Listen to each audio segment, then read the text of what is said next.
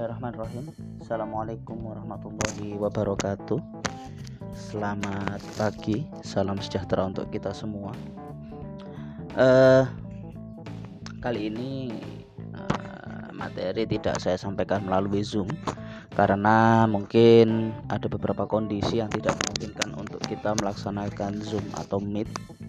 Jadi uh, ini bukan hanya sekedar materi tapi ini mungkin pembelajaran bagi kita semua.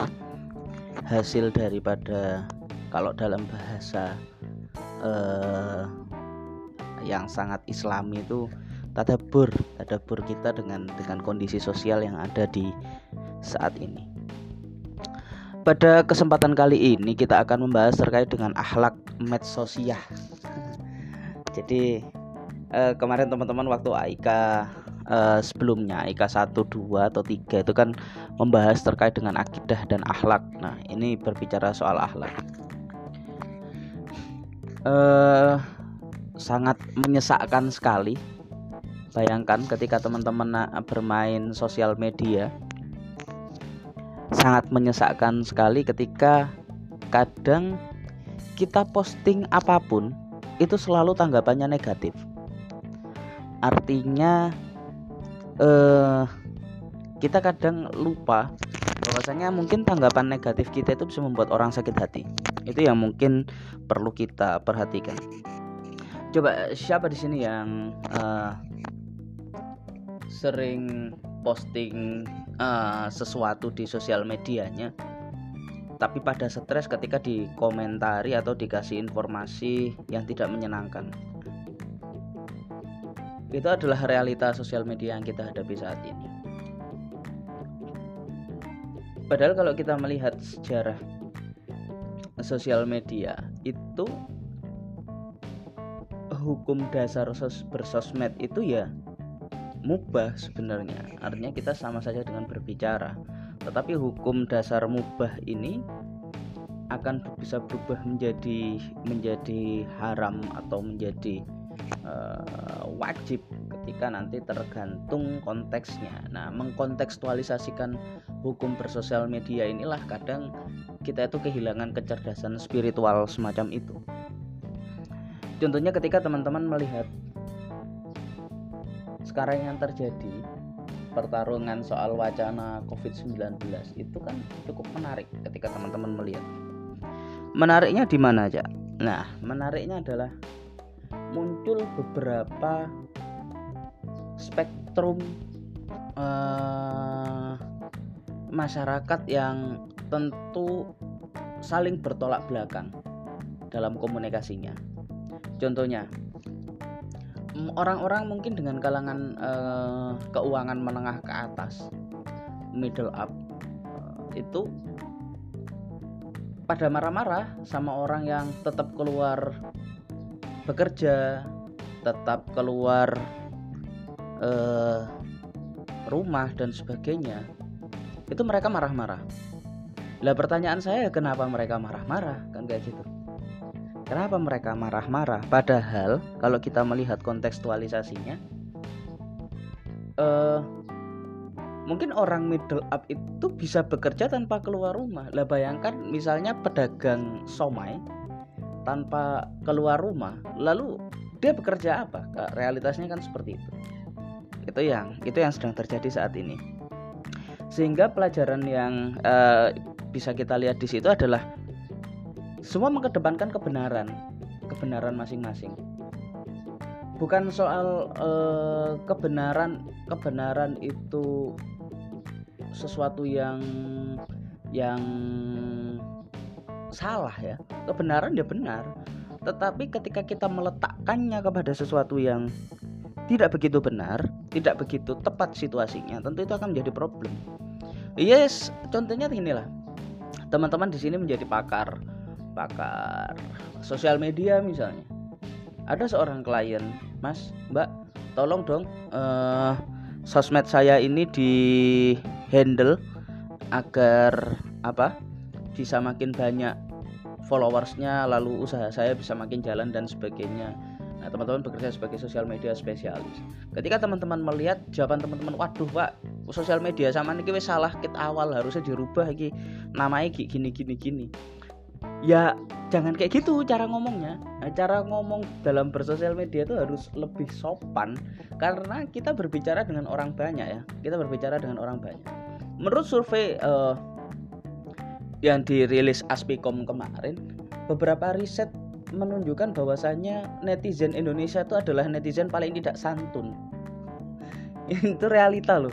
Netizen kita itu adalah orang-orang yang paling tidak santun di seluruh dunia. Nah, ini menjadi menjadi problem bahwa ternyata kesantunan itu tidak hanya berbicara soal kebenaran, tapi kesantunan adalah etika atau cara bagaimana kita bisa menempatkan situasi dan juga kondisi. Di mana kita bisa kompromi terhadap uh, sesama. Nah, kompromi pun nanti akan ada batasnya. Ketika kompromi dalam hal uh, sesuatu yang bersifat uh, masih bisa dikompromikan seperti cara berpikir dan sebagainya itu tidak ada masalah. Ya udah terserah kamu kayak gitu aku kayak gini. Kita nggak usah berdebat. Kita nanti uh, cari jalan tengah siapa yang paling baik gitu aja. Tapi kalau misalnya yang salah adalah orang yang sok kompromi. Nah itu yang agak masalah.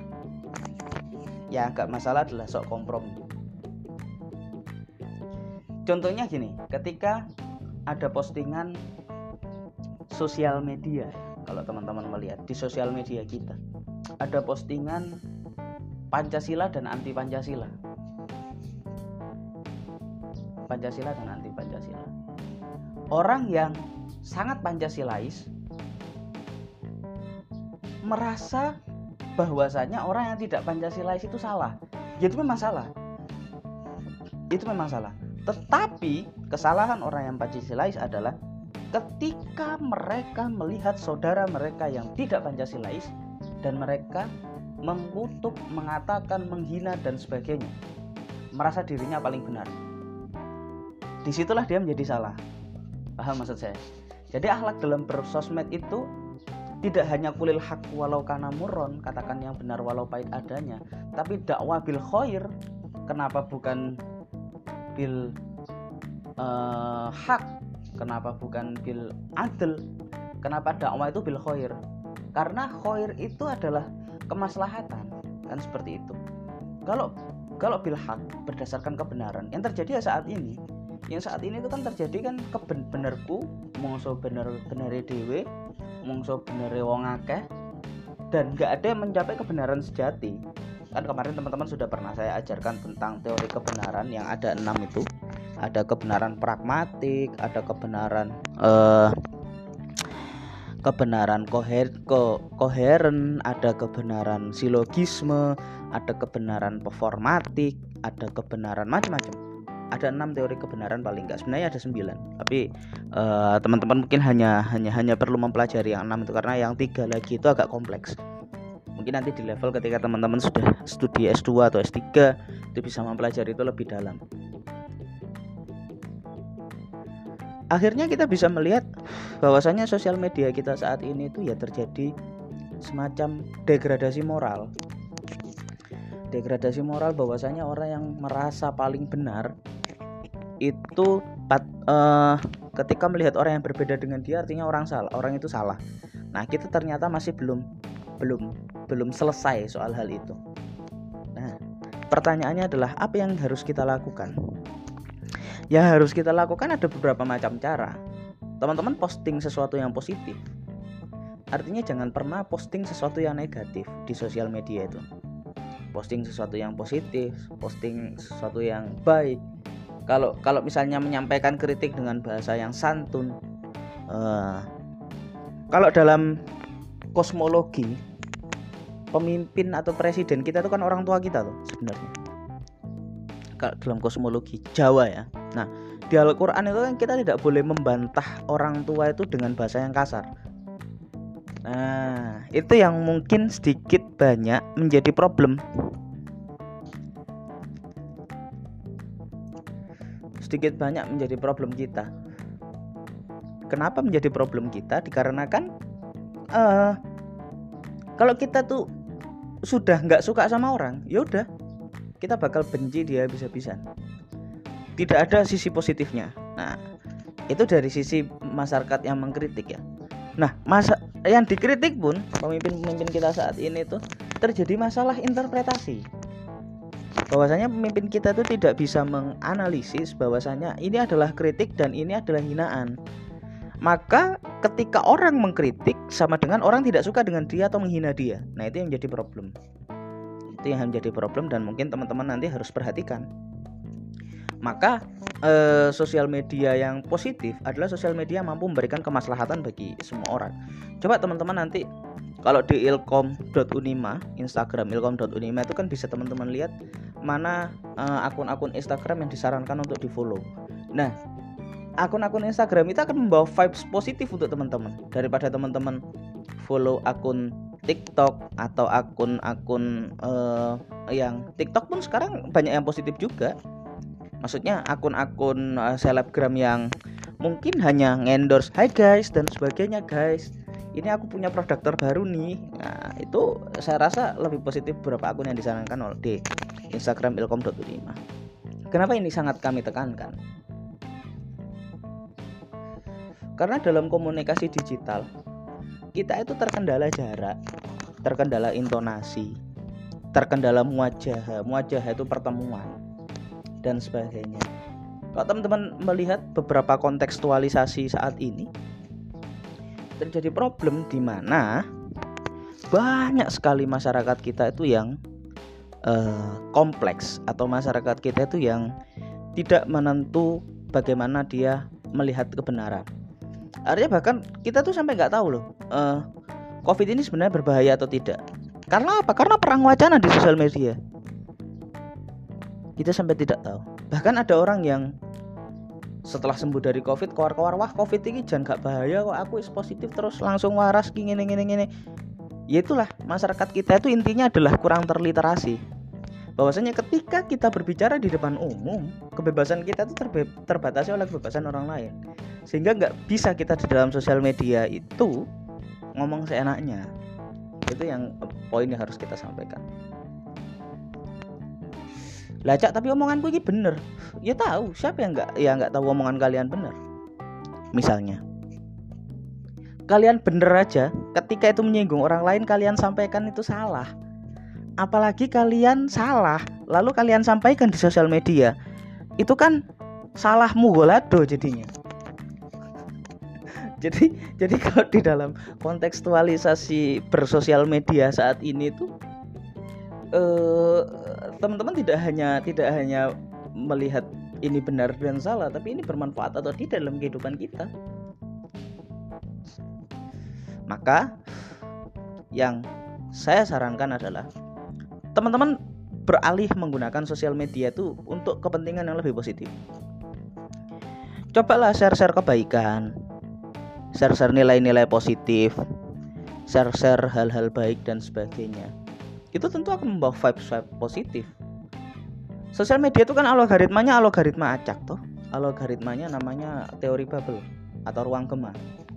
Di mana ketika kita atau siapa pun yang kita searching atau kita follow, ya udah komunitas kita seperti itu sehingga itulah yang mengakibatkan sosial media itu menjadi uh, ruang yang paling gampang membuat orang untuk berkubu.